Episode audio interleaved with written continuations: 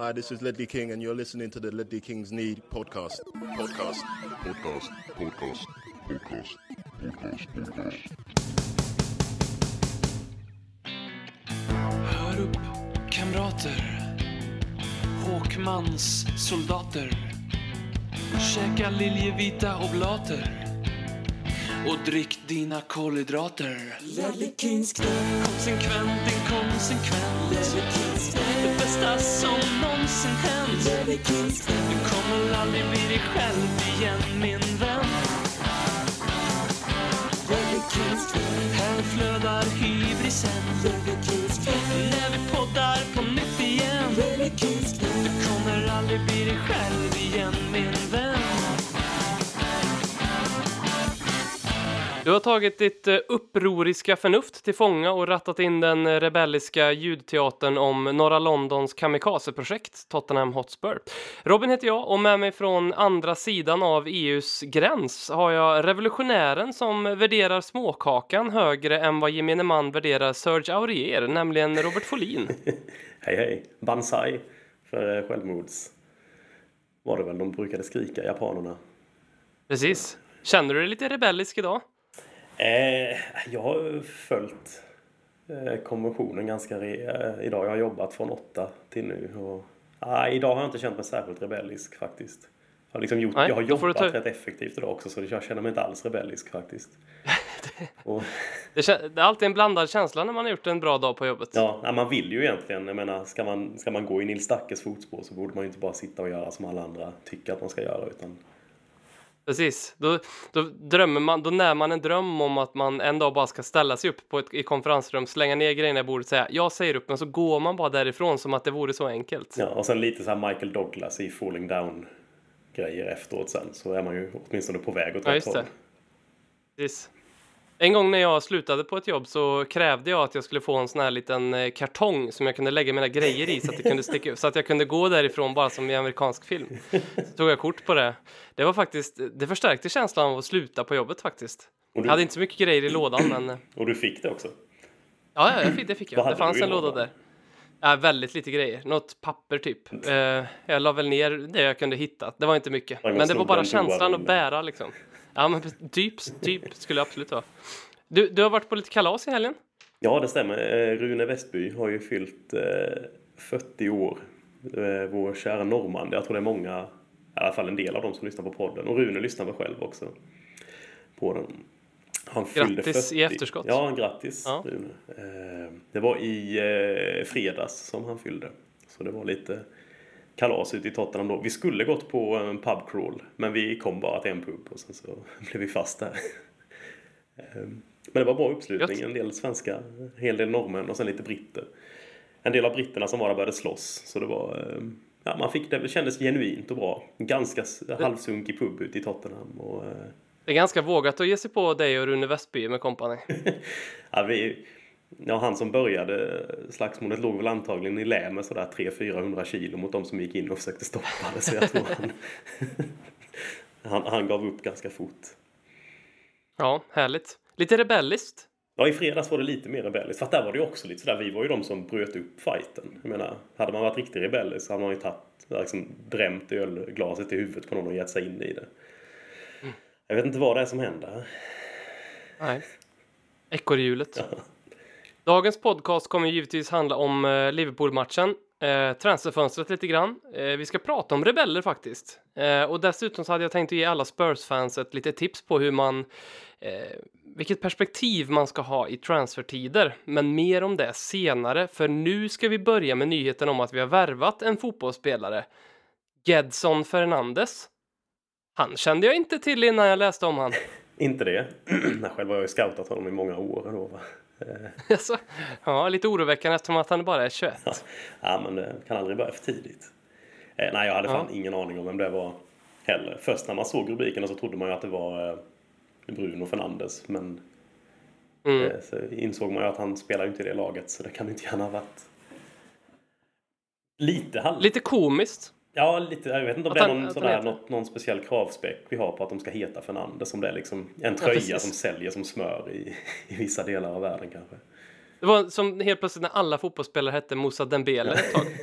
Ja, de är väl fortfarande sådär. Det är väl tre stycken Ja. eller något som heter det, minst. På ganska hög nivå också dessutom. Ja, verkligen. Vi ska ju reda ut den här Fernandes. Um, ska vi börja med att säga att uh, tycker att vi kan stryka direkt ett streck över alla de här gnällen som är på att ja, i höstas ville vi ha, eller i somras ville vi ha Bruno Fernandes och nu får vi Gedson Fernandes. Det är inte samma typ av fotbollsspelare, så håll käften. Vi tog Lo Celso istället. Eh, så att det, det här är en helt annan typ av fotbollsspelare. Vi ska reda ut vem han är. Eh, han har ju kommit från Benficas akademi. Där har det kommit en hel del bra grejer från de senaste åren. Ederson, Joao Felix, Bernardo Silva och nu den här Gedson Fernandes. Tänkte du också på Gelson Fernandes när du hörde hans namn? Eh, är det gamla, gamla City? Ja, City, City dub, dubbel-City. Eh, både Ci- Manchester City och Leicester City. Eh, Gelson Fernandes. Jag tror han, han spelar nog fortfarande. Han är schweizare tror jag. Och typ samma typ av fotbollsspelare. Lite mer defensiv tror jag, Gelson Fernandes då. Men... Ehm, affären är ett lån fram till 2021 eh, med köpoption. Det- Det ska vi säga är inte verifierat än, men det är så gott som verifierat. Det är så, så kallat tier 1 information. Och nu när det kommer från, från Lelle Kings knä så är det väl tier 0.5 mer mindre. eller- Vi går ju bara ut med officiella grejer. Sen får man själv Ja, bestämma noll. hur man värderar den. Om det är lägst Exakt. högst. Exakt. Det här är en liten box-to-box-kille. En klassisk åtta, trots att han spelar med nummer 83 på ryggen i Benfica. Väldigt problematiskt. Vi ska återkomma till det strax. Ehm, bra passningsfot, bryter sig in i straffområdet, gör en del mål faktiskt. Men eh, är det här den spelaren vi behöver? Ja, jag vet, init, alltså, direkt när man hörde om honom så eftersom jag inte visste någonting om honom så antog jag att det var en mer defensivt lagd mittfältare. Men det är det ju uppenbarligen inte alls när man läser om honom. Jag, menar, jag såg han har spelat till och med högerytter och sådär. Han anfallare nästan. Dravel. Ja, han är liksom överallt förutom på den Bestäm defensiva. dig karl! Ja. ja, men det verkar ju nästan vara lite så att han, han påminner om till viss, alltså lite om Musa, Musa Sissoko i, eh, i spelsättet. Eller Mm. lite grann. Någon, någon sa fast en, en eh, mycket mer teknisk sp- spelare men det är inte särskilt svårt att bli.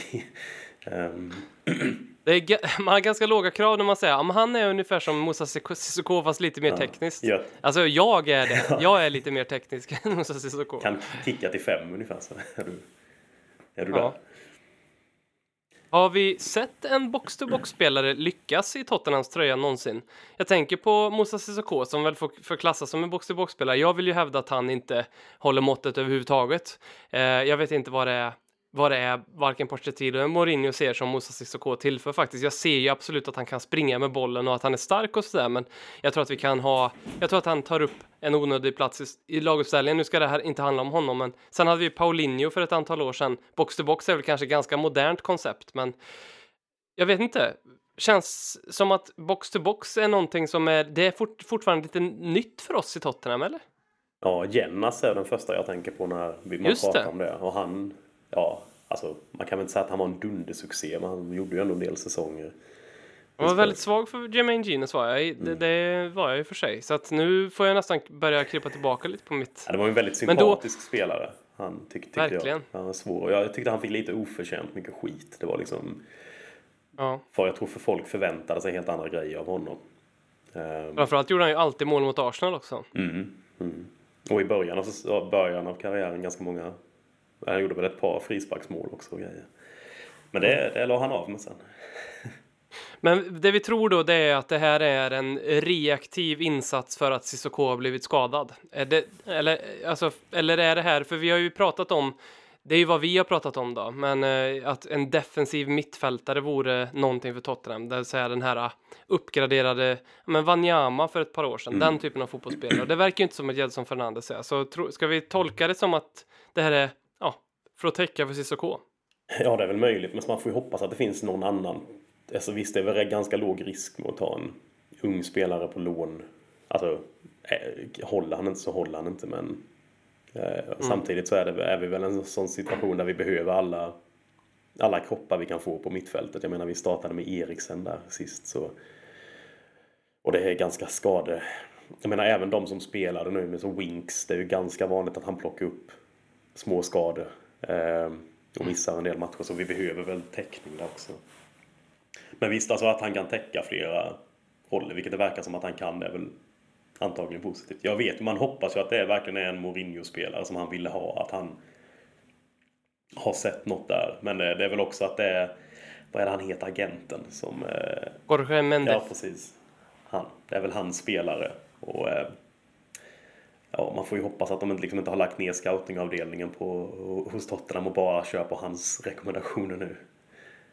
Ja, men troligtvis kan det väl vara lite att eh, Mourinho och den här Mendes, de, de dricker väl te ibland liksom och så säger väl eh, Mourinho eh, så här att nu behöver vi den här typen av fotbollsspelare och då trixar väl han fram Edson Fernandes. Så på det sättet kan man väl säga att det är en Mourinho-spelare skulle jag säga. Mm. Jag har väl svårt att se att det här kanske var någon som vi scoutat under lång tid och liksom vi har Livi och Mourinho har legat hemma i soffan eh, hos Livi och kollat på liksom skills and highlights på Youtube och analyserat och ritat på en whiteboard och sagt ja men här kan Edson Fernandes spela utan det känns lite mer reaktivt än så. Lite vad jag tycker lite gillar inte den här utvecklingen med lån. Eh, jag tycker det känns eh, konstigt att vi lånar spelare. Nu är det bara Lo Celso och, eh, och den här Fernandes då som, som vi har lånat i, eller som är inlånad i den här truppen idag. Men tycker, tycker inte det känns riktigt. Jag vet inte. Jag tycker det känns som att Livi liksom inte riktigt vågar köpa spelare och, och så kommer han överens med, med liksom alla, alla, det går ju alltid att finna argument för ett lån, för man kan ju alltid säga till liksom klubben som han kommer ifrån att ja, men vi betalar hans lön här nu och så köper, ni, köper vi av honom sen om ett par år för en bra summa ifall han lyckas. Men blir han jättebra så kan ni också alltid kalla tillbaka honom. Alltså det, den är liksom lite Eh, det, det, är lätt att se argumenten för ett lån, men jag tycker ändå att det, det, det inte alltid liksom känns på riktigt när en spelare är inlånad till truppen. Jag vet inte, vad tänker du om det? Ja, det blir ju ganska märkligt som nu med Lo Celso också, att man har ju alltid tänkt på honom som ett riktigt nyförvärv och nu blir det så här, ska vi, ska vi behålla honom eller har de ändrat sig nu och ska vi skeppa honom? Ja, det är mm. lite märkligt. Men det var väl något prat om att Lo Celso var kom på lån på grund av att det var någon möjlig financial fair play-grej också. Att de inte ville, att de ville hålla ner utgifterna lite. Men menar om vi då bara lånar spelare hela tiden och sen till slut måste köpa dem. Då finns det ju någon sån här liksom sms-lånseffekt det kan bli på det. Att rätt vad det är så ramlar allt in och det ska betalas. Och då... Ja, men Lo Celso tror jag det till och med var så att det var lite, lite klokt också för att um nu när jag tänker efter, då har du rätt i. Jag tror det väl var så att eftersom att Paris Saint-Germain hade sålt Lo Celso till Real Betis med en klausul eh, i vilken det stod att eh, Eh, vi ska ha 10% eller vad det nu var, kanske till och med 20% av nästa mm. övergångssumma eh, som drabbar den här spelaren. Då kom klubben om, eh, de överens om, ja men vi ni, ni, får liksom lånköpa honom för en mindre summa så att den skulden är fri och sen så köper vi av honom i nästa sommar eller januari för en, för en summa som vi tycker är okej okay, och så slipper ni punga ut någonting till PSG. Mm. Eh, det, det, låter ju så livigt så det är helt ja, sjukt. Oerhört faktiskt. ja. ja. Livy, ja.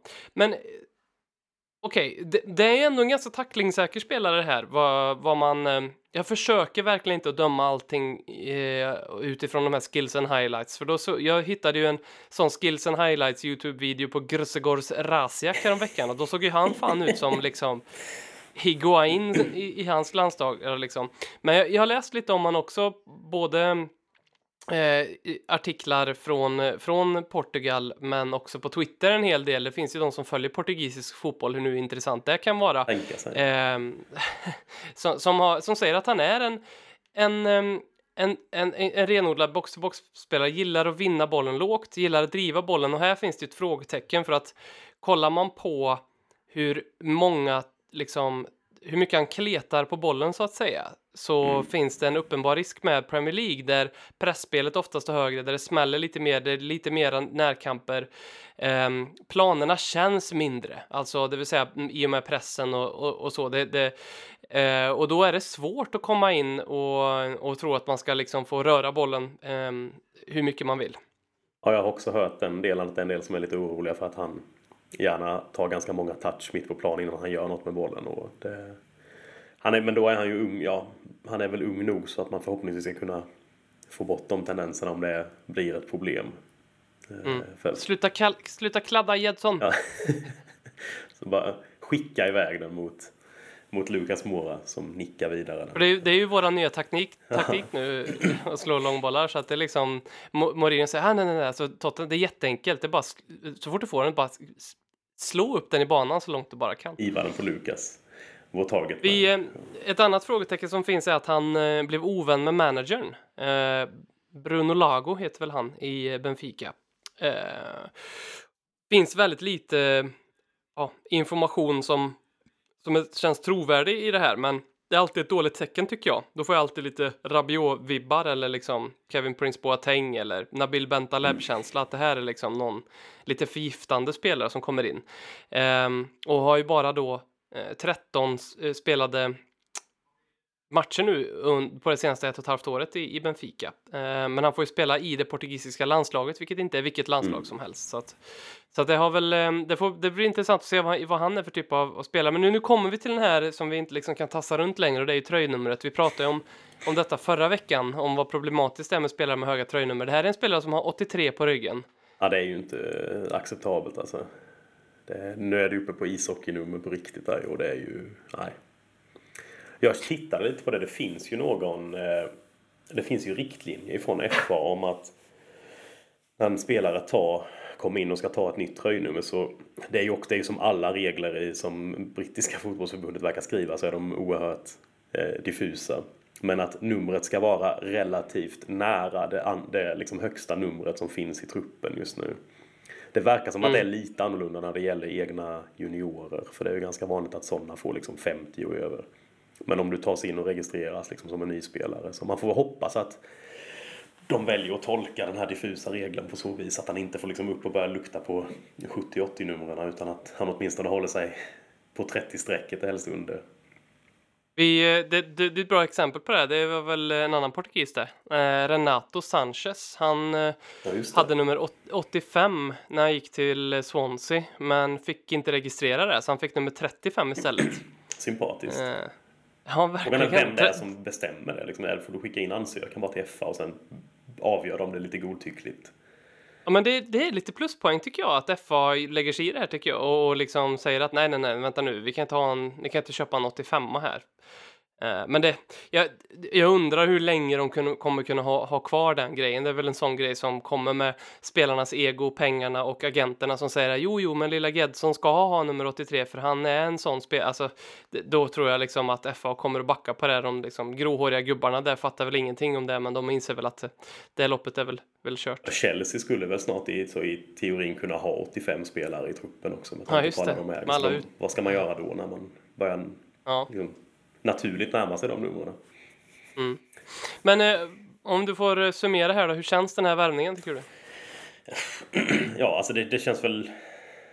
Ja, jag är inte jätte... Alltså det ska väl bli intressant att se om man kan bidra med så mycket. Man har väl vissa, vissa frågetecken kring om man kan bidra så jättemycket i år. Det lär ju vara en ganska stor omställning att gå från att knappt spela i Benfica till att kastas in i Premier League direkt om du inte är, är van vid det.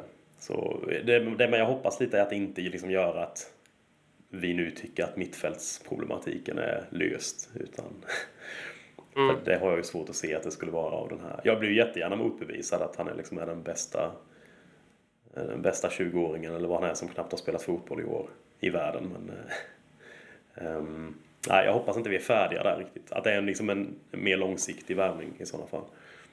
Mm. Jag vet inte, vad känner Ja, du? vi, vi får se.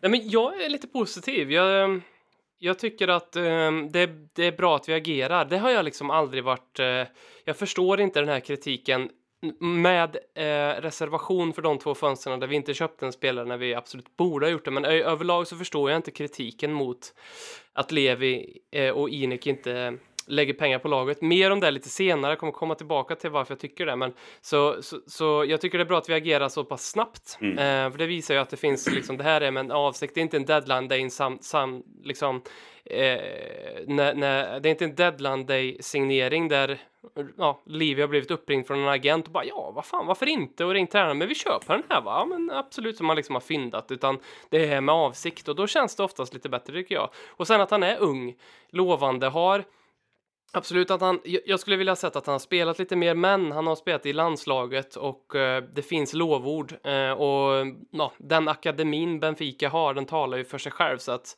jag är lite exalterad faktiskt. Jag tycker att det här är kul. Jag ser fram emot att se honom spela. Sen så förhoppningsvis i ett, ett tröjnummer som eh, ja, inte adderar allt för mycket på, på ryggen. Då. Hur är det? För, har du någon koll på det här med att han hade... För jag har också sett något om att han ska, det ska ha varit något strul med tränaren i Benfica. Har de bytt tränare där så är det någon sån grej som har orsakat? Eller är det samma? Det vet jag faktiskt inte. Jag vet faktiskt inte det. Det kan någon, eh, någon lyssnare få ta på sig att eh, reda ut åt oss helt enkelt. Vad var det som hände med Edson Fernandes och eh, tränare i Benfica?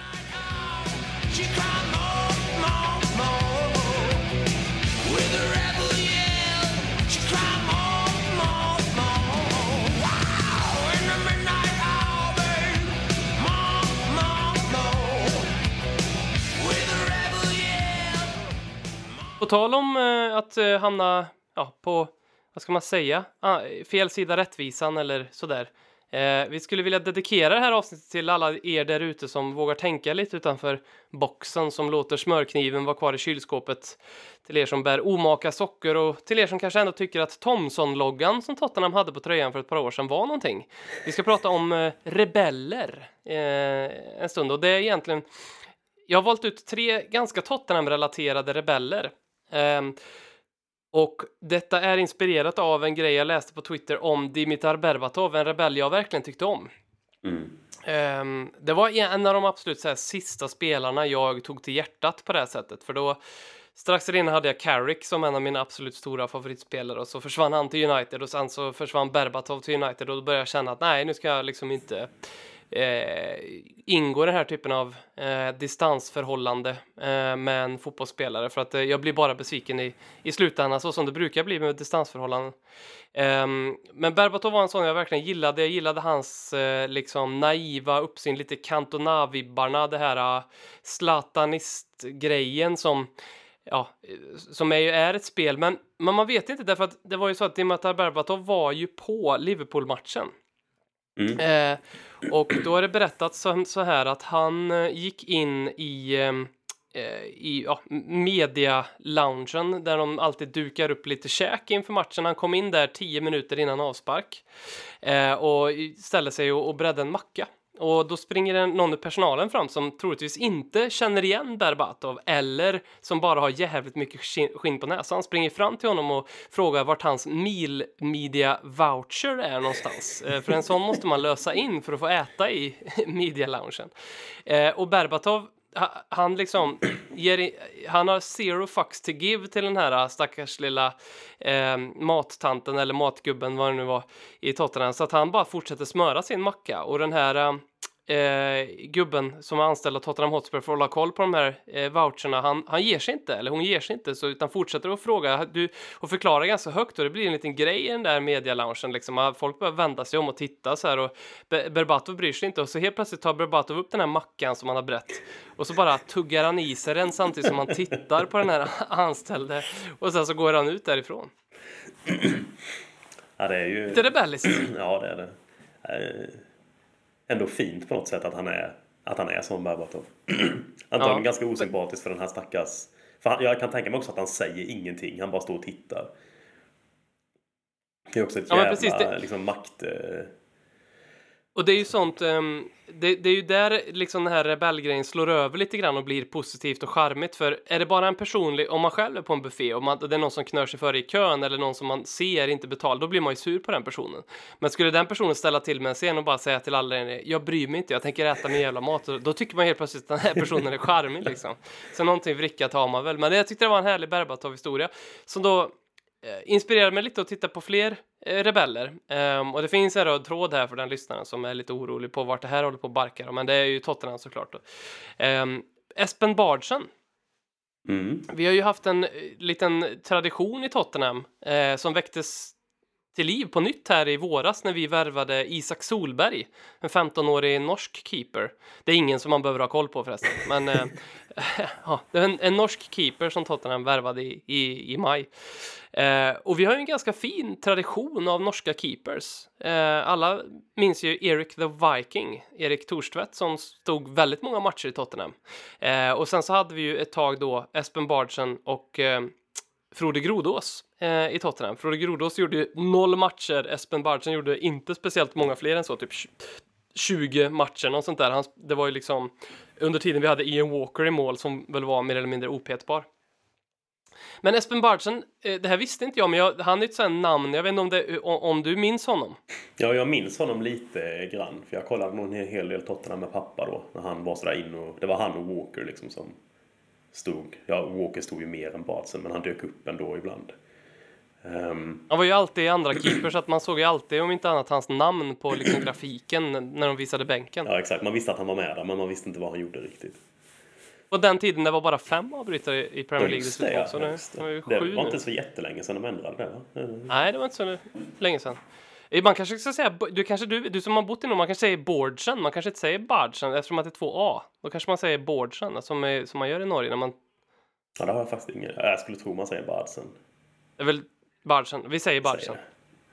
Han, eh, han var ju lite grann av en rebell. Han eh, eh, var ju ganska ung när han kom till Tottenham. Han hade spelat eh, VM för Norge 98. Då det gick hyfsat bra för Norge dessutom också. Eh, gick till Tottenham, blev andra fiol bakom Ian Walker. Eh, för, försö- ja, tog sig vidare från Tottenham för att han ville spela mer helt enkelt. Hamnade i Watford en, en sejour, hamnade i Everton.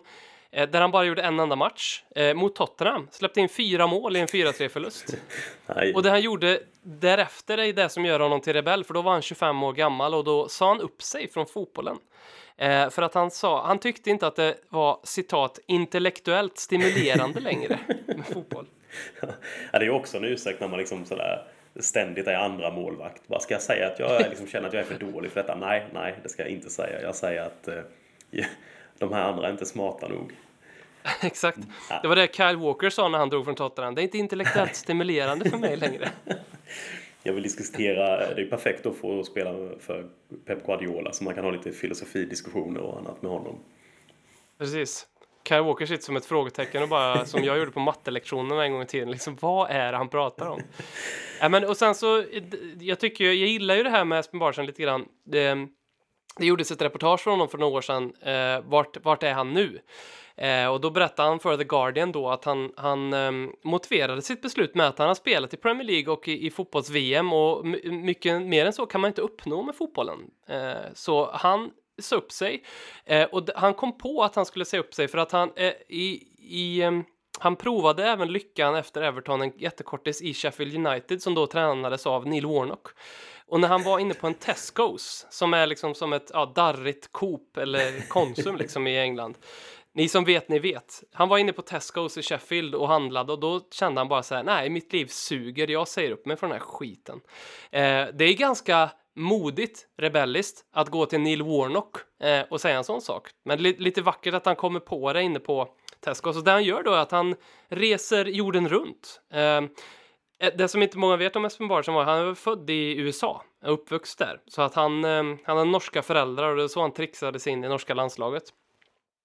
Eh, Så han började med gjorde en coast to coast-tur i USA, vilket är min drömresa. Sen så var han i Sydamerika, Nya Zeeland, Australien, Thailand, Malaysia, Singapore, Hongkong och Kina och reste runt eh, med bil själv. Själv också. Ehm, ja. Och då fick han frågan sen i den här intervjun med The Guardian för ett par år sedan om han var lycklig med sitt beslut. Eh, och då sa han ja, jag är faktiskt nu mer vältränad än vad jag någonsin har varit. Ja, det, är ju, det är ju bra. Blev han inte någon... Eller, jag kikade lite. Jag hade faktiskt ingen aning om att han slutade så tidigt heller. Mm. Eh, Men han, visst jobbar han inom finanssektorn sen eller något sånt där va? Det stämmer. Verkade bli ganska liksom rik. Så han lär ju antagligen tjänat mer pengar än vad han gjorde då också som andra keeper på 90-talet. Liksom. Han är ju norrman så att han vet ju hur man tjänar pengar så att säga. Det kan Eh, och han vet, hur han, han vet när enough is enough när man står inne på Tesco's i Sheffield och känner lite grann att nej, Man det här är känner ju också att det är liksom sådär treenheten där. Det är, vem sa du? Neil Warnock, Sheffield och Tesco. Där är liksom bara nej, nej. Alltså, jag är norrman för hela världen. Detta är inte... Det är fel! Det är fel! Den sista rebellen, eh, och det är för att komma tillbaka lite grann i, i eh, relevans i podden, det är ju Christian Eriksen som vi väl får ta farväl av här nu, tror jag. Eh, kanske har han inte gjort sin sista match i Tottenham, den kan ju komma imorgon eller idag, eh, beroende på när man lyssnar på den här podden mot Middlesbrough. Eh, men eh, han uppges ju vara klar för Inter Milan. Eh, övergångssumman sägs vara ungefär 17 miljoner och han lär eh, enligt ryktena då eh, få runt 100 000 pund i veckolön, vilket eh, väl var väl, betydligt mindre än vad han trodde kanske någon gång i somras när han, när han började eh, sjunka ner i soffan och kolla på villor i Madrid eller Barcelona-området. Ehm, så att det, eh, men jag tror det, det känns lite grann som, jag, jag skulle vilja kolla hur du ser på det här, för Erik Niva twittrade så här. Ehm, på sex provocerande, ofokuserade och ointresserade månader är Christian Eriksen tyvärr på väg att rasera alldeles för mycket av det fenomenalt fantastiska han gjorde under sex år dessförinnan. Håller du med om att Christian Eriksen smakar på ett mycket mögligare och äckligare sätt idag än vad det gjorde eller, eller eh, så här, ah, när du summerar helheten så att säga. Ja, tyvärr blir det ju det eftersom att det är nu att det kommer vara det sista minnet man har av honom också. Att han liksom joggar runt på innermitten mot Liverpool. Och det inte, inte för det är enda gången han har sett ointresserad ut. Det har han gjort ett tag nu. Men det är ju väldigt trist egentligen. För i somras när han...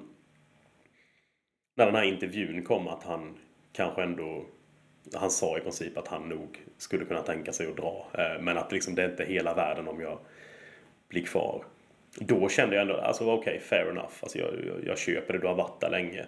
Men sen att han ska, för hans svarta ju ner det en hel del nu tycker jag. Jag har ändå ganska länge sådär tyckt att man fan fortsätt spela honom om han är... För en del inhopp han har gjort sådär så har han ju faktiskt varit användbar. Men sen nästa match har han sett helt jävla ointresserad ut. Eh, så man har väl... Fast nu har jag nog också nått eh, punkten att alltså jag, vill inte, jag vill inte se han alls mer. Jag tycker liksom låt det bara, låt han gå nu och går han inte så bara låt han sitta på läktaren om han, om han orkar det liksom. Han kanske har annat att göra. Men det är ju trist för han har ju varit en fantastiskt bra, alltså under vår bästa tid med Pochettino så var ju han alltså nyckeln på mittfältet. Han var ju skitviktig för oss. Ehm, både mål, assist och sen bara i spelet rent allmänt. Så det är ju jävligt trist att en sån spelare... Och sen är det väl också att det har dratt ut lite på det för många har ju liksom, känner man, nästan glömt bort hur Modric och Bale agerade när de skulle flytta. Men det kan ju också kanske varit för att de tjurade lite. Okej, Modric tjurade en sommar och blev tvingad att stanna. Men levererade då. Och då blev det som, ah, okej, han bet ihop ändå. Bale strejkade väl i ett par veckor men sen blev han såld. Och då är det som att, ah, ja okej, man slapp i alla fall se honom jogga runt och inte bry sig. Så det är lite lättare att glömma bort det. Det här blir ju lite svårt att, att, att glömma, känner jag.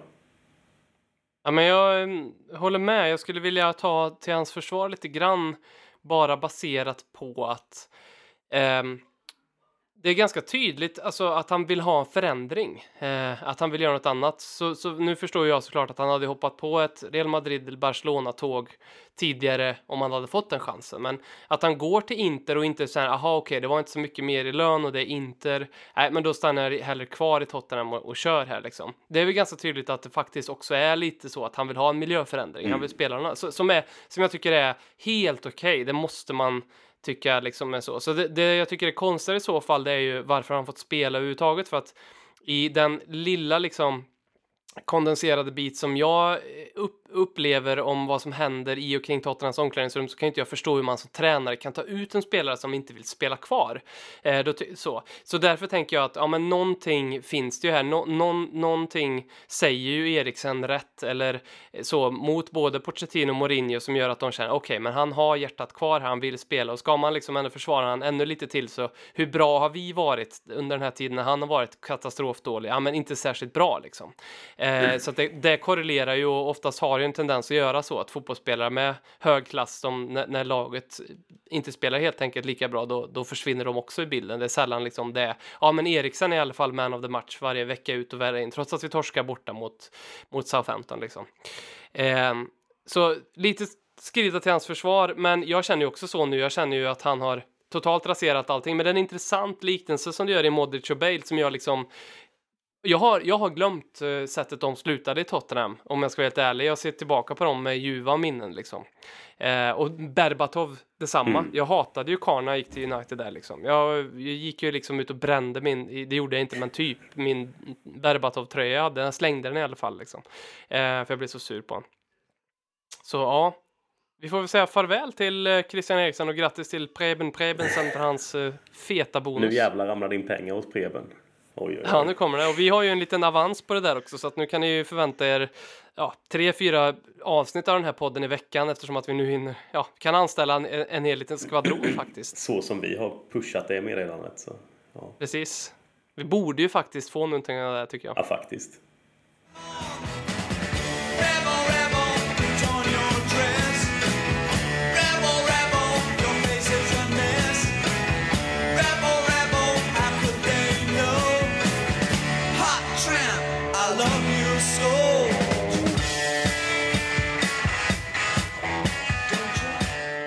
Um, vi måste gå vidare och prata om Liverpool-matchen. Uh, du var där på Tottenham Hotspur Stadium när, uh, ja men, när man, när, när lagen gick in i halvtid uh, så tänker man lite grann att oj, att det här bara står 0-1, det får man ju tacka och ta emot som bara den. Eh, och sen hade man isolerat andra halvleken och bara tittat på den, då kanske man ändå, däribland jag, känner att oj, ett kryss hade nog varit lite mer rättvist. Till och med inte helt orättvist med vinst för Tottenham. Eller vad säger du? Ja, nej, jag känner väl också att ett kryss hade varit... Eh, eh, det förtjänade vi faktiskt med tanke på andra halvlek, speciellt sista 20-25. Ehm, och första, alltså okej, okay, visst, de, de, de hade ju absolut kunnat göra flera mål, men jag tyckte ändå... Eh, jag hade en rätt positiv... Alltså, vid halvtid, jag var, det var hårt att de gjorde mål innan halvtid. Eh, och man kände väl lite att det här kommer bli svårt för oss att ens skapa någonting när man gick ut. Men samtidigt så det kändes som att det fanns någon plan i alla fall eh, i första halvlek. Att eh, visst, vi var jävligt defensiva och vi slog mycket bara mot, liksom, vi ville ställa om snabbt på Lukas och Son. Ehm, men det fanns åtminstone en plan. Jag menar så, så jävla bra som Liverpool är nu så får man ju, jag köper det i alla fall att man liksom helt anpassar sig efter det.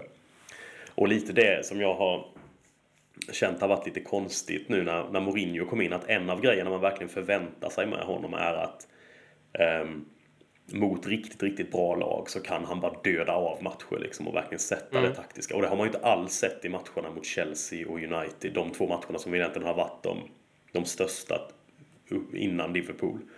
Där har det inte alls funnits ett spår av det. Det har ju liksom inte varit något av det. Och det har jag har oroat mig lite att vad fan, jag trodde det var åtminstone det man visste att man skulle få av honom. Um, så det är, väl- det är väl någon, någon positiv grej med det, att det kändes ändå som att här hade han satt det, det lite mer. Men jag såg det, jag är inte helt säker på om det stämmer eller inte, men det var någon som, som skrev att detta var bara andra gången tror jag som han har haft en hel vecka emellan två matcher med Tottenham, där han faktiskt har haft truppen och kunnat jobba med den. Jag är inte helt hundra på om det stämmer eller inte. Eh, men jag kan tänka mig att det har varit så, för det har varit väldigt mycket matcher som har duggat tätt nu. Och att det då möjligen var ett resultat av att han faktiskt hade haft mer tid att jobba med, med truppen. Mm. Ja, men jag skriver under verkligen på, på det du säger, för jag vet att jag tänkte på det här i matchen. Alltså, fotboll är ju en sport där det händer så extremt mycket oförutsett på en match. Och, eh, på, eh, om man ska definiera ett bra fotbollslag, då, då, då, då tycker jag att en bra definition är att ett bra lag får inte matcher att kännas oförutsägbara. De får dem att kännas förutsägbara. Och det är ju verkligen Liverpool idag. Eh, de kan ju gå in i vilken match som helst och diktera och det händer så otroligt lite grejer. Eh, vi kanske kommer in på det lite senare, men slumpmässiga saker som gör att Liverpool vinner en fotbollsmatch. Man kan kasta det mesta i deras ansikte. Eh, det känns som att får de ett rött kort, ja, ja, men de vinner ändå liksom just nu. Så. Eh, och den kontrollen tycker jag Mourinho har satt på Tottenham till viss del. Jag var inne på det i förra podcasten att jag, jag känner inte inför en match mot Liverpool och jag gör det inte när vi ska möta City här nu om inte allt för lång tid att vi kommer få stryk med 5-0. Att vi får stryk, ja, men vi kommer liksom inte åka dit och få eh, däng, riktigt däng, utan vi, vi, vi tvålas dit och vi kanske inte spelar speciellt bra, men vi är lite kompaktare och det känns som att han har satt en defensiv disciplin eh, och en kompakthet i laget, men det känns lite grann tycker jag som att anfallsspelet har han mer eller mindre inte gjort så mycket med, utan att, som att lite Harry Redknapp-känsla, att han bara, ja men ni, ni, det ni spring på allt bara för att det är väldigt osynkroniserat när vi, när vi spelar anfallsfotboll. Vi försöker liksom inte passa runt och hitta öppningar, eh, utan det som oftast händer är endast är en långboll eller så får någon bollen och så driver man upp och så får vi se vad som händer. Det är lite grann min känsla av vårt anfallsspel och det, det gör att när vi gick ut i den matchen och när man ser på vad som hände i andra halvlek när vi i alla fall hade lite mer idé så k- hände någonting, det klickade lite och det skulle jag vilja se mer. Det tycker jag är lite ett fall framåt faktiskt. Nu var det kanske också Liverpool som är ett la- fotbollslag som har haft en otroligt hög nivå på, under lång tid som faktiskt kanske tappade lite ork och energi och allt det där um, i an, till andra halvlek. Men vi var ändå väldigt bra där tycker jag när man tittar på vilka vi möter. Ehm, jag, så jag skulle vilja se lite grann mer av den typen av anfallsfotboll med en avsikt, med en plan där vi faktiskt gör någonting. Jag kan inte riktigt säga vad vår, jag kan säga vad vår defensiva filosofi är och det är ju alltid stanna med tre mittbackar eller tre, så Ehm, och, och försöka ha någon form av pressspel på de centrala innermittfältarna i vår ehm, del av planen och jag kan se hur han markerar bort spelare som vi ska komma in på. Tanganga markerade helt bort Mané, vilket han gjorde fantastiskt bra. Salah var ganska utmanövrerad den här matchen också, så där finns det väldigt tydligt vad som händer, men framåt händer det inte lika mycket. Vad tycker du om Tangangas insats? Ja, det var, alltså, ja, det var ju jättebra med tanke på att han mm, aldrig har spelat. Han har eh, aldrig spelat Premier League-match innan och starta mot Liverpool. Det var ju en ganska stor chock på puben när den kom. Eh, startelvan. Men eh, ja, alltså, det går ju inte att klaga på. Visst, han kanske, kanske att man kan tycka att han ska agera annorlunda när Firmino gör målet. Men eh, jag kan, nej, jag kan liksom inte hänga honom för det. Eh, jag såg ju både liksom fysiskt eh, stark ut och jävligt modig men också liksom smart. Han sprang ju inte bara runt och glidtacklade och slängde sina grejer heller utan visste liksom när han skulle stå. Som du sa följde ju Mané jättefint. Det var väl en nick ganska tidigt med när han lite halv, inte sänkte honom men verkligen tryckte till och vann den. Och det kändes som att han liksom fick det övertaget direkt och det är ju snyggt att kunna göra som, som så ung och orutinerad spelare mot en sån jäkla bra spel. Det kan inte vara kul att markera Mané alltså. Det, Nej, men det båda ju väldigt gott och jag gillar ju verkligen hur han går in i den här matchen, 20 år gammal, möter kanske världens bästa fotbollslag, möter en av de absolut bästa fotbollsspelarna i världen. Eh, det första som händer är den här nickduellen. Det, bland det första som händer är den här äh, rensningen här på mållinjen. Han har givetvis lite flyt i det, men det, det hjälper ju bara honom att känna att men jag är med i det här, liksom, jag har det här. Och sen så var det många uppoffrande insatser ifrån honom. Ehm, han fick ju en sula från Andy Robertson. Eh, Det, den ju inte han liksom, men han, han var där. Han hoppade in i den duellen och jag tycker att det här är väldigt lovande för Tottenham därför att det var en av de grejerna som jag minns jag tänkte på när Pochettino kom in och när han började få ordning på Tottenham. Det var när han liksom erbjöd Ryan Mason eh, och Harry Kane, de två framförallt. Sen var det ju ett par till där också, men framförallt de två väldigt mycket speltid och de kom ifrån eh, ungdomsleden och de, de kom ju in med en energi och med en vilja att bevisa att jag ska, jag ska ta den här platsen och jag vill, jag har, jag har fostrats i den här klubben och jag jag spelar för klubben också inte bara mig själv och den energin tror jag är väldigt nyttig. Eh, så bara att Tanganga kommer in med det tror jag gör väldigt mycket för Tottenham. Eh, så att spela honom mer, det, det är jag liksom väldigt eh, positiv till. Ja, det ska bli spännande att se. Eh, och sen tyckte jag också när eh, att eh, Alderweireld gjorde en av sina bättre matcher på sista Mm. tiden ihop. Alltså nu då och då. Han är ju liksom, han är inte jätteliten. Alltså, man- han är ju inte, Fartongen har ju mer problem med, med farten än vad Alderweireld har. Men Mm. samtidigt när han har två som Sanchez och, eh, och eh, Tanganga bredvid sig så kanske han liksom kan styra dem lite mer än att själv behöva behöver alltid ta den rollen att han ska städa upp efteråt. För jag tyckte han kändes väldigt stabil och, och liksom väldigt ka- bra kaptensmaterial. Liksom det var en lite kaptensinsats av Alderweireld. Mm. Och sen med, med, med eh, man måste, Tanganga måste man säga va? Ja, det måste det bli. Jag vet inte, Tanganga, Tanganga, tang, Ja, ja. ja. alltså, men ja, exakt. Något sånt. Ehm, att, att han fick flytta sen och i princip spelade... För vi hade ju en ganska intressant uppställning. Var ju, det var ju inte riktigt en femback. Det var ju typ en fyrback med Aurier i någon slags fri högerbacksroll. Vilken är en... Att det Han har att, väldigt fri roll. Jag, jag tycker det kändes som ett litet 4-4-2 ja. Eh, men, ja, men nästan. mycket. Något sånt. Fast han liksom sprang runt och fyllde i. Rätt vad det var så dök han ju upp som liksom vänster inne mitt ungefär. Och det var så här, vad fan Ja. kom han ifrån? Ehm, men i andra halvlek när Rose gick av så flyttades ju Tanganga över till vänstersidan och liksom, det märktes ju inte. Det blev ju absolut inte sämre när Rose var där. Och det är ju också ett tecken på att, det är en, alltså, att han verkligen fattar vad han ska göra i de olika rollerna. Det tycker jag är ett, ett spännande tecken också på att man kan ställa om så mitt i en match och ändå göra det så bra som han gjorde. Ja, det var jättespännande och kul att se. Han har väl varit inblandad i, eh, i, eh, i första i träningen med, med eh, A-laget ett tag har jag förstått. Men att han har missat en del försäsong, typ förra året eller vad det var, för att han hade varit iväg på något ungdomsmästerskap och inte kunde vara med där. Så det är uppenbart att det är inte bara Mourinho som har kommit in och sett honom heller, utan det, har väl varit på gång ett tag. Eh, Så det är ju det är ju jäkligt kul. Det är ju tre spelare från akademin som nu tränar med A-laget. Det är ju Tanganga, Parrot och sen är det ju nu också Ejoma ehm, som också är mittback. Okej. Um, och vi ser ifall vi får se honom imorgon mot Middlesbrough, det vore kul. Uh, var, vad, vad, vad säger du? Skulle Andy Robertson um, ha fått ett rött kort eller är det helt enkelt en helt omöjligt att på ett vetenskapligt och ett intellektuellt stimulerande vis dra någon slutsats av en stillbild där Robertsons dobbar är inborrade i Tangangas spel för man måste ju få sparka bort bollen och när man gör det så sträcker man ju alltid ut sulan. Ja, ja, visst. Eller? Ja, speciellt när man har bollen under kontroll när den är två meter ifrån en. Eh, alltså med den situationen, är, det finns ju dessutom video på man kan kolla på och sen använda det istället som underlag än en stillbild om man vill. Eh, det som stör mig mest med den situationen är mest hur, hur jobbigt liksom sektaktiga Liverpool-fansen är i det. För alla säger exakt samma sak också. Det är som att det har gått ut ett PM att detta tycker vi nu. Och sen liksom bara nickar de till sin överlord. Bara ja.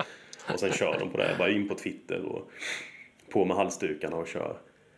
Eh, och, nej, det, alltså, ja, det är ju bara tröttsamt. Någon, några tyckte ju till och med att liksom, om det är något så ska det vara kort på Tanganga. Alltså jag vet inte vad de pratar om.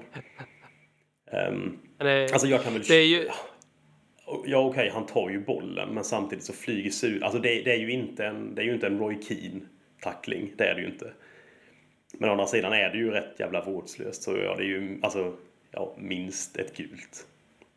Det som blev konstigt, det det var några som frågade varför kollade inte VAR på det här och det kan man väl egentligen säga, det gjorde väl troligtvis VAR. Eh, bara det att inte, eftersom att det blev, en, det blev ingen avblåsning i eh, direkt närhet till händelsen. För när det blir det, då, då brukar det oftast liksom, då pausar ju VAR hela skiten och säger ah, ah, vi, vi kollar på en grej här nu liksom.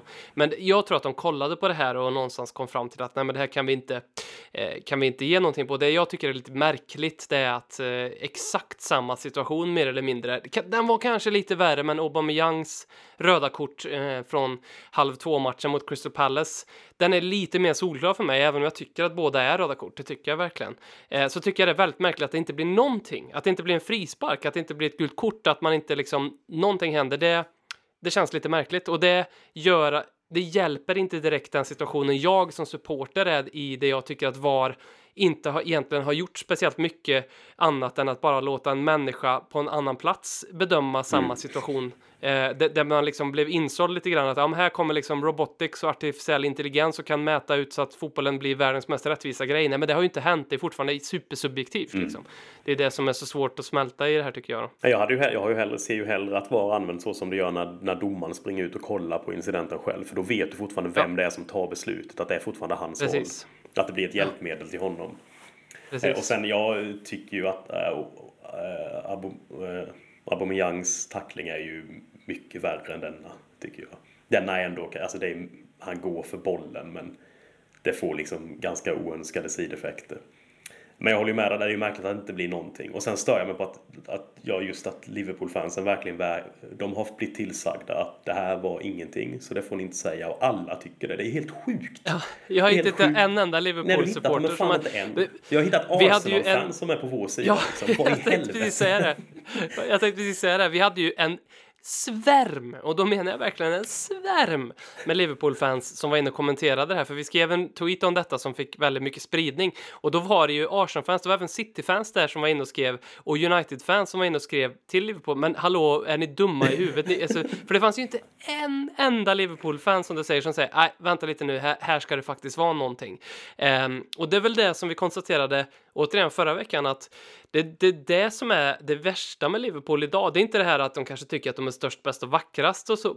så för för det, det tycker jag inte att man får ner i ansiktet lika mycket som det här att de, de, eh, de tar så o, de väljer rättare sagt att ta så oerhört illa vid sig vid, vid varenda liten grej som kommer deras väg. Eh, så så, de, de, det, det är ju det de går igång på och det, det tycker de faller så hårt på. För hade de gått in och, och skrott, skrattat lite åt det där och kanske skrivit något ironiskt eller skrivit ja men det där kanske borde faktiskt vara, det, för det kan man ju bjuda på och Mm. Ja, säga ja, ja, när, man, när man håller på ett lag som leder ligan med 200 poäng liksom. Men Nej, nej, Mm. inte ens då nu ska det in... liksom, så är det. Nej, vi är fan felfria. Vi får... Ja. Ja, det blir intressant att se eh, hur många mer fördelar Liverpool får framöver eh, tack vare VAR. Och där kan man ju säga då om man ska balansera upp det för själv verka lite balanserad eftersom vi anklagar dem för att inte alls vara det. Så en del pratar ju om att Liverpool liksom typ nästan vinner ligan på grund av detta. Det gör de ju inte. De är ju mycket bättre än alla andra. Liksom. Det är klart de ska vinna den, tyvärr. Men nu kommer de... Jag har känt ett tag att jag har inte stört mig lika mycket på Liverpool-supportrar senaste liksom, halvåret kanske. För de har varit... Men nu har detta verkligen börjat synas igen. Så nu är man ju på gång där. Mm. Ehm, ja. Nu kan det bli farligt att möta Robert Folin på gatan i London om man, håller, om man har en Liverpool-tröja, det är det du säger. Lyssnarfrågor. Jajamensan, då har det blivit dags för lyssnarfrågor i Ledley Kings knä. Du vet väl om att som premiummedlem i Ledley Kings knä för endast 1950 kronor i månaden, ja, endast 1950 kronor i månaden, alltid kan få just din fråga uppläst i ett avsnitt av Ledley Kings knä.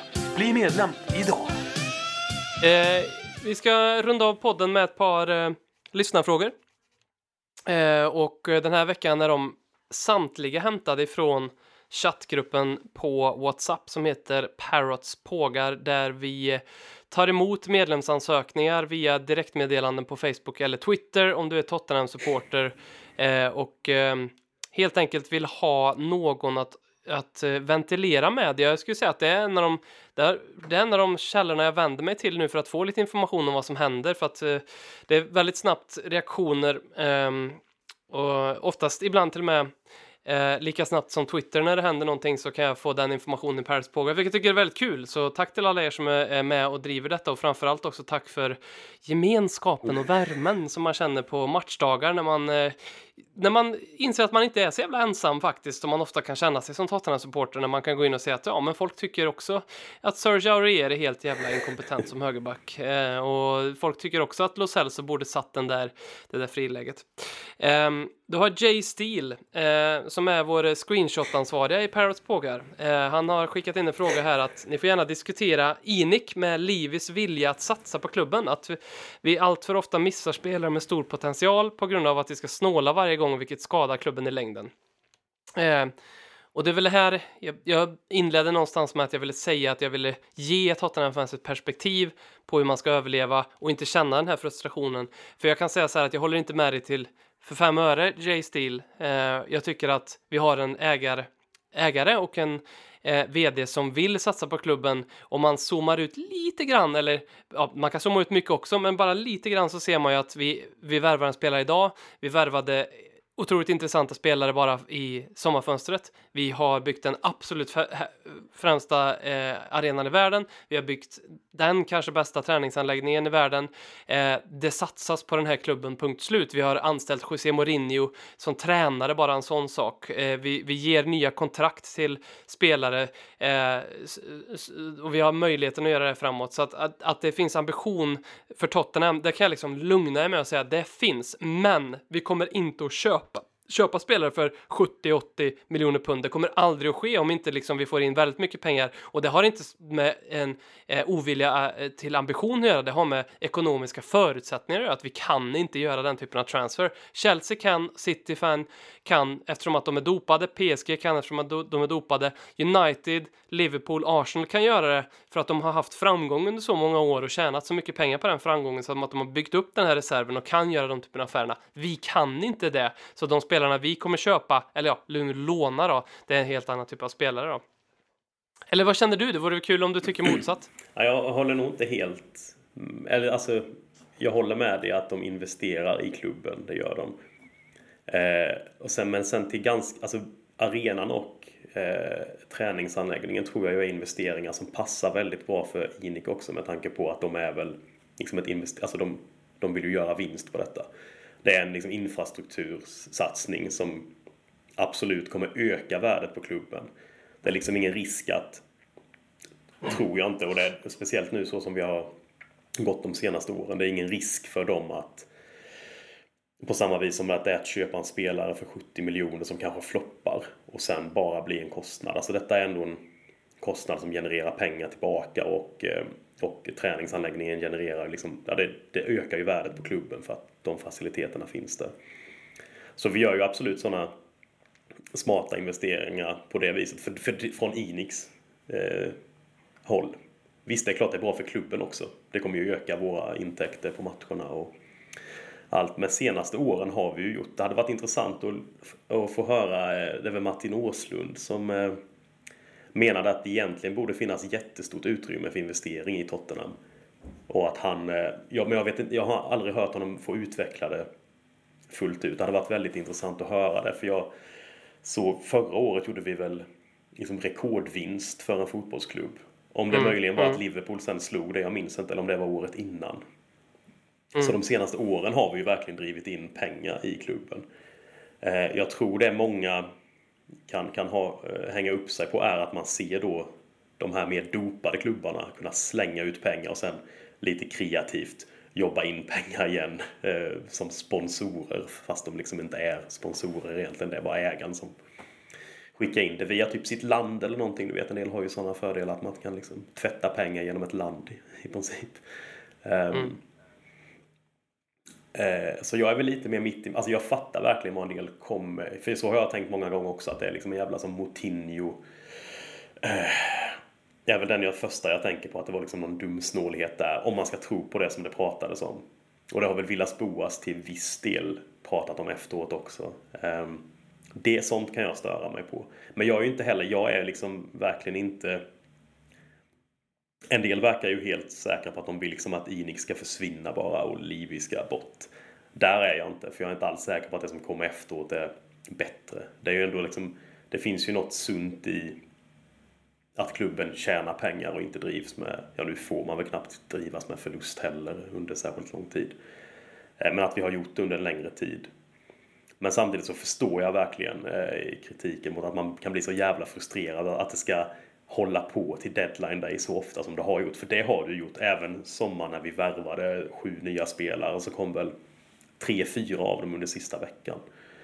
Och det känns ibland som att bara fan få det klart så att det sportsliga blir bättre av det. För det blir det ju ofta att ha, ju tidigare du har affärerna klara desto bättre sportsliga förutsättningar får du. Um, så nej, jag är ganska så, eh, så kluven där. Jag är absolut inte så jag kommer kräva att, att Inik ska ut, men jag är inte heller liksom... ehm, jag köper inte helt den linjen heller om att allt är perfekt från dem eller att det är liksom dränke. Nej, och det ska jag väl understryka med att det tycker jag verkligen inte heller. Jag tycker också att vi borde göra transfers tidigare. Vi, jag tycker att vi borde göra transfers under de här två torrperioderna vi hade när vi inte värvade spelare. Ehm, när, n- vi omsätter ungefär 4,5 miljo- miljard svenska kronor. Ehm, det är ganska lite pengar om man tänker på det, för att det är så, det är så lätt att Fotbollsklubbar finns ju över hela världen. Alla känner ju till liksom de stora fotbollsklubbarna och fotbollsspelare. Så man tänker ju att det här är ju liksom världens största jävla business som, som håller på. Men det är faktiskt en ganska liten business.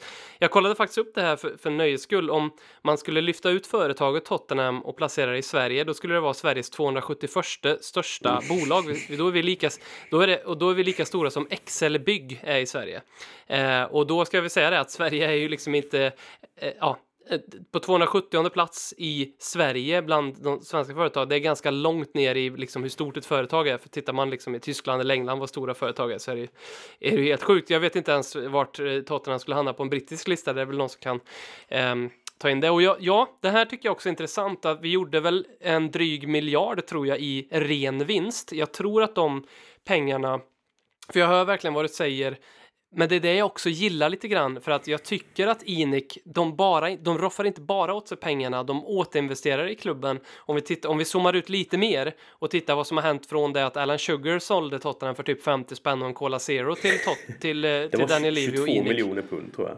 Ja, Det precis. får Det är helt ganska- vansinnigt. Alltså, tänk, alltså, ta, det är ett jättebra exempel i sig. Nu har du ju liksom, vi ska ju- justera efter inflation och eh, all, den, den liksom, otroliga exponentiella ökningen som har skett i, i marknadsvärden i fotbollsvärlden är ju enorm, liksom, och framförallt i Tottenham då. Men, men från att vara liksom 11, 10-11 varje år till att inte kunna få åt oss några eh, intressanta spelare överhuvudtaget till, till där vi är idag, där har ju Inik lyft Tottenham jättemycket och jag tror det är det som gör mig lite trygg. När jag, jag, jag brukar ofta, när jag får den här frustrerade känslan, brukar jag zooma ut så tänker jag att jag tror att Inik bygger någonting långsiktigt och den kortsiktiga framgången är de inte superintresserade av.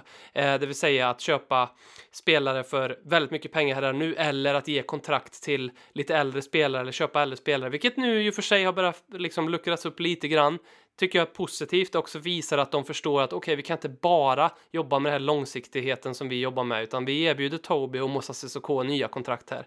Ehm, men det, det, det, jag vet att jag är väldigt ensam om att tycka så här för att å andra sidan så ska man aldrig jämföra sin egen åsikt med eh, social media för på social media så hatar ju precis alla allting så att eh, Det är väldigt Ehm, binärt men- ofta. det är väldigt binärt och jag är inte binär i den här eh, ja, tanken jag själv heller för jag tycker att det, vissa grejer borde kunna gjorts annorlunda. Men jag har ett stort förtroende för eh, Tottenham och jag ser otroligt ljust på Tottenhams eh, eh, vad ska man säga, framtid. Inte här och nu faktiskt. Det kan, vi, det kan ni lyssna på Erik Niva-avsnittet så, så vet ni hur jag känner där, För jag känner precis som Erik Niva att det här året och de kommande, kanske närmsta säsongerna måste vi eh, riktigt, det kommer bli stålbad, men på sikt kan det bli väldigt intressant då. Ja, jag är nog lite mer skeptisk kring... Ja, jag tror, jag tror eh, Inik jobbar långsiktigt men jag tror primärt det är för att de ska... Alltså den sportsliga delen är... De vill att det ska gå bra. De, men alltså, vad ska man säga, de är ju ett rejält steg upp från att vara ägda av Sports Direct. Så jag är glad att det var Inik och inte Mike Ashley som plockade Tottenham när det var möjligt. Precis. Ehm, för det finns ju ändå grader i det där helvetet. Ehm, Men jag tror verkligen primärt att det är... Jag vet inte riktigt hur länge till de kommer vara inne för, för Tottenham. Jag tror, jag tror att Livi är en... Alltså jag köper att han är Tottenham-fan. Men jag tror också han är mer... Han tar nog alltså uppdraget han har av Inik på större allvar. Alltså han är ju delägare där också. Han är ju en av dem som absolut kommer tjäna mest på på när klubben säljs. Jag är rätt säker på att han tar det på rätt stort allvar också. Sen tror jag det är en sak som kan göra folk lite... Att man jämför... Eh, vad heter han? Lewis? Joe Lewis, va? Han som är eh, den, den största ägaren av Inik. Att Den supergamla britten som bor på en yacht och eh, när han inte bor på yachten så bor han på Barbados eller Bahamas. Bahamas jag bort, ja. Ja. Jag kikade lite på honom innan och han är ju liksom, för honom tror jag Tottenham är bara en liksom liten, liten, liten, liten del. Alltså han, han är ju ingen Abramovic som är, liksom älskar fotboll och Tottenham är liksom hans sätt att ge uttryck för det. För det kändes lite mer som Abramovic är verkligen ett så passionerat projekt har det varit i Chelsea. Sen kan man ju fan tycka vad, alltså, hur han har fått pengarna och allt sånt är en helt annan grej. Men att för Abramovic är detta liksom hans nästan huvudsakliga grej nu. Alltså, jag, jag tror att eh, Lewis hade någon konstsamling som var värd bortåt en miljard dollar. Liksom. eh, så jag tror för hans del är det liksom inte, nej men jag ska köra ner. Eh, och han, han, han var stor delägare i en annan investeringsgrupp som sen i sin tur, tror jag, kontrollerar Inik. Som har liksom 2000 restauranger och pubbar i Storbritannien. Han är liksom i finanssektorn, han är i energisektorn. Han är överallt. Han, detta är inte hans enda grej. Så jag tror när många ser vad han är värd. För han är ju snorrik verkligen. Han har ju så jävla mycket pengar. Men för han är liksom inte Tottenham den stora grejen. Utan är en del av allt det här andra. Det, ehm, Men jag tror många då kan se det och tänka varför gör inte han liksom bara spotta in pengar? Det kan man ju knappt inte göra nu heller. Nej, precis. Vilket är väl bra på ett sätt, men eh, ja. Det blir intressant att följa den här diskussionen. Jag, jag eh, ska bli väldigt intressant att följa hur länge Livy och Lewis och Inik hänger kvar i Tottenham och Om det är att man bygger det här nu för att bygga sportslig framgång för att kunna njuta av det lite grann eller för att kunna sälja det med en riktig jävla avans till eh, ja, Google eller vad fan man nu säljer det till, eller någon shejk eller någon ryss eller Excel-bygg Ja, kanske. Excel-bygg Eh, kom och lastade upp pengarna. Det hade varit något ändå. Vi, vi, vi har hittat ett sätt att eh, fördubbla vår omsättning på att gå upp till 198 plats i största bolaget i Sverige. Vi köper en fotbollsklubb, Tottenham Hotspur, Excel-bygg. Det är bisarrt när man tänker på det. Vi ska, vi, ska vända, vi ska vända lite på steken, eller inte vända, men vi ska byta ämne och gå på en fråga från Magnus Eriksson från chattgruppen Paris Pågar. Eh, det blir lite organisationspsykologi och, och, och självhjälp och eh, det, sådär i den här frågan. Eh, om vi ska tro på teorin att eh, i varje grupp, idrott, arbetsplatser, klasser och så vidare går att lyfta ur, ersätta ett par människor så skulle gruppen må och prestera bättre? Frågetecken. Vilka tror ni hör till dessa i dagens lag? Har vi några? Och varför är de inte redan bortlyfta? Behöver alltså inte vara att de inte presterar på plan utan bara att de har personlighetsdrag som skapar fel sorts stämningar och situationer. Exempel på personligheter som kan semi-förstöra. Den buttre, den late, besserwissern, rövslickaren. Ska vi diskutera det här då? Ehm, har vi några sådana? Har vi någon butter, någon lat, någon besserwisser och någon rövslickare? Jag kan tänka mig att Vertongen kan vara ganska butter ibland. Ja, Känns verkligen som att han har den auran. när han inte fått eh, ligga med exakt. grupp. Det blir intressant att se hur den separationen går. Han kanske blir Han jätteledsen. kommer bryta ihop helt. Eller så liksom kommer det bli en konflikt med någon annan spelare i truppen nu. Mm. Ska Janne ut på nya jaktmarker. Just det. Jean Foyt som åkte till Buenos Aires här nu på lite ledighet. och- Honom jävla, han kommer hem och så bara, vad i fan är det som har hänt här? Ligger Janne där och röker en cigg i sängen. Vad fan gör du? Sätt på dig, sätt på dig kupen. Har vi någon lat jävel i, i truppen? Jag har ju en väldigt bra för det. Det är ju en Dombele. ja, Jag tror att det är en lat jävel. jag tror det. Ja, alltså ska man se till hur ofta han har gått sönder nu så. Om det, om det liksom är hans fel så visst, då kan jag väl köpa den lite. Eh, Jag funderade på den här, det besserwissern är ju... Jag undrar om det skulle kunna vara typ Eric Dyer. Att han kan vara en sån som liksom några sitter och pratar om någonting och är mitt uppe i en diskussion och så kommer han bara nej så där är det inte alls utan det är så här och sen går han iväg och tror liksom fan nu har jag lärt om något. Men de andra tycker bara han är dryg. Vi hade ju rövslickaren också. Det har vi en tror jag. Det är ju Harry Winks. Han är så här, han är så klassisk, du vet. Eh, ja, den första liksom när José Mourinho har hållit sitt första inspirerande tal att ställa sig upp och bara applådera och le och titta rakt in i José Mourinho. Det är ju liksom Harry Winks för mig. ställer liksom en låda bredvid José också står där och klappar liksom så här bara jag är jätte, Exakt. jättebra tittar ut som att han är liksom en del av den sidan fast han inte riktigt är det egentligen. Harry Winks älskade José Mourinho mer än livet själv efter fem minuter han har träffat honom. så, Men jag älskar Harry Winks för det. Jag, han, eh, jag, jag gillar honom. Han har adderat ett par till här, Magnus. Eh, juniormobbaren, någon som mobbar lagets juniorer. Känns väl också lite Eric Dyer, kanske? Ja, jag vet inte om han skulle göra, ja, kanske, kanske. Eller tänkte jag Deli Ali kanske, när han eller om han blir Ja. lite, lite äldre. Ja, definitivt. Eh, för jag, ja. jag tror ju Erik, Dele- jag tror ju Dyer ja. tror att folk vill höra han, alla hans liksom, rättelser han skickar runt sig. Fast de vill ju inte det. Men jag tror inte han Mm. medvetet vill vara sån. Ehm, Den, den för politiskt engagerade. Är det, är det Ben Davis som har en så här super-Labour-aura? Och när det liksom Mourinho har hållit sitt inspirerande tal och han tänker så här Åh gött, nu ska de bara ut och bara frusta och pusta på plan. Då, då räcker Davis upp ett litet finger så här och så säger jag har med mig några Labour-pamfletter här ni kan få ta efter matchen. Så, så dör allting. Jag tänker annars att han är för, alltså någon sån jätte... Eftersom han, han pratar ju eh, walesiska. Eh, att han är liksom väldigt för walesisk självständighet. Det skulle Ja, kunna det, vara är en lite nationalist. Ja, det skulle kunna Mm. vara. En sån där. Jag vet inte om ni har sett senaste säsongen av The Crown. Där är det ett avsnitt där... eh, Jag har inte kommit dit än, men jag ja, kommer ja, dit ja, snart. det, kommer, det ämnet kommer avhandlas där i. Det skulle Ja. nog kunna vara. Annars tänker jag sådär, Hugo Lloris skulle kunna vara en sån också. Jag, alltså, Ja. Dels fransman och sen lite tystlåten men säkert liksom jätteradikal. Sådär. Han skulle jag kunna tänka mig är alltid för grejer som är radikala. Även om han inte verkar som det. Men liksom Mm. sitter liksom, har suttit hemma och funderat som fan på detta. Och liksom skulle kunna landa i Promille- liksom, ska vi promille- verkligen ha demokrati? Är det, grejen. Promillehalten borde höjas till 1,0. Det kanske var det som hade hänt. Han var på väg, ja men exakt så hade anarkist långt ut i fingerspetsarna. Därför han körde hem. Så där bara, men jag accepterar inte att samhällets regler när det gäller alkohol. Jag erkänner inte den boten jag fick. Nej, han, jag, han skulle jag kunna tänka mig. Så. Kanske lite otippat. Har vi, någon, eh, har vi någon baktalare i laget tror du? Alltså om vi pratar nu liksom en sån här, ja, som, som bygger lite eh, intrig, så att Mm. säga. Vad fan skulle det vara? Eh, har du någon där? Jag har svårt att... Alltså jag, jag skulle vilja säga Deli Ali återigen.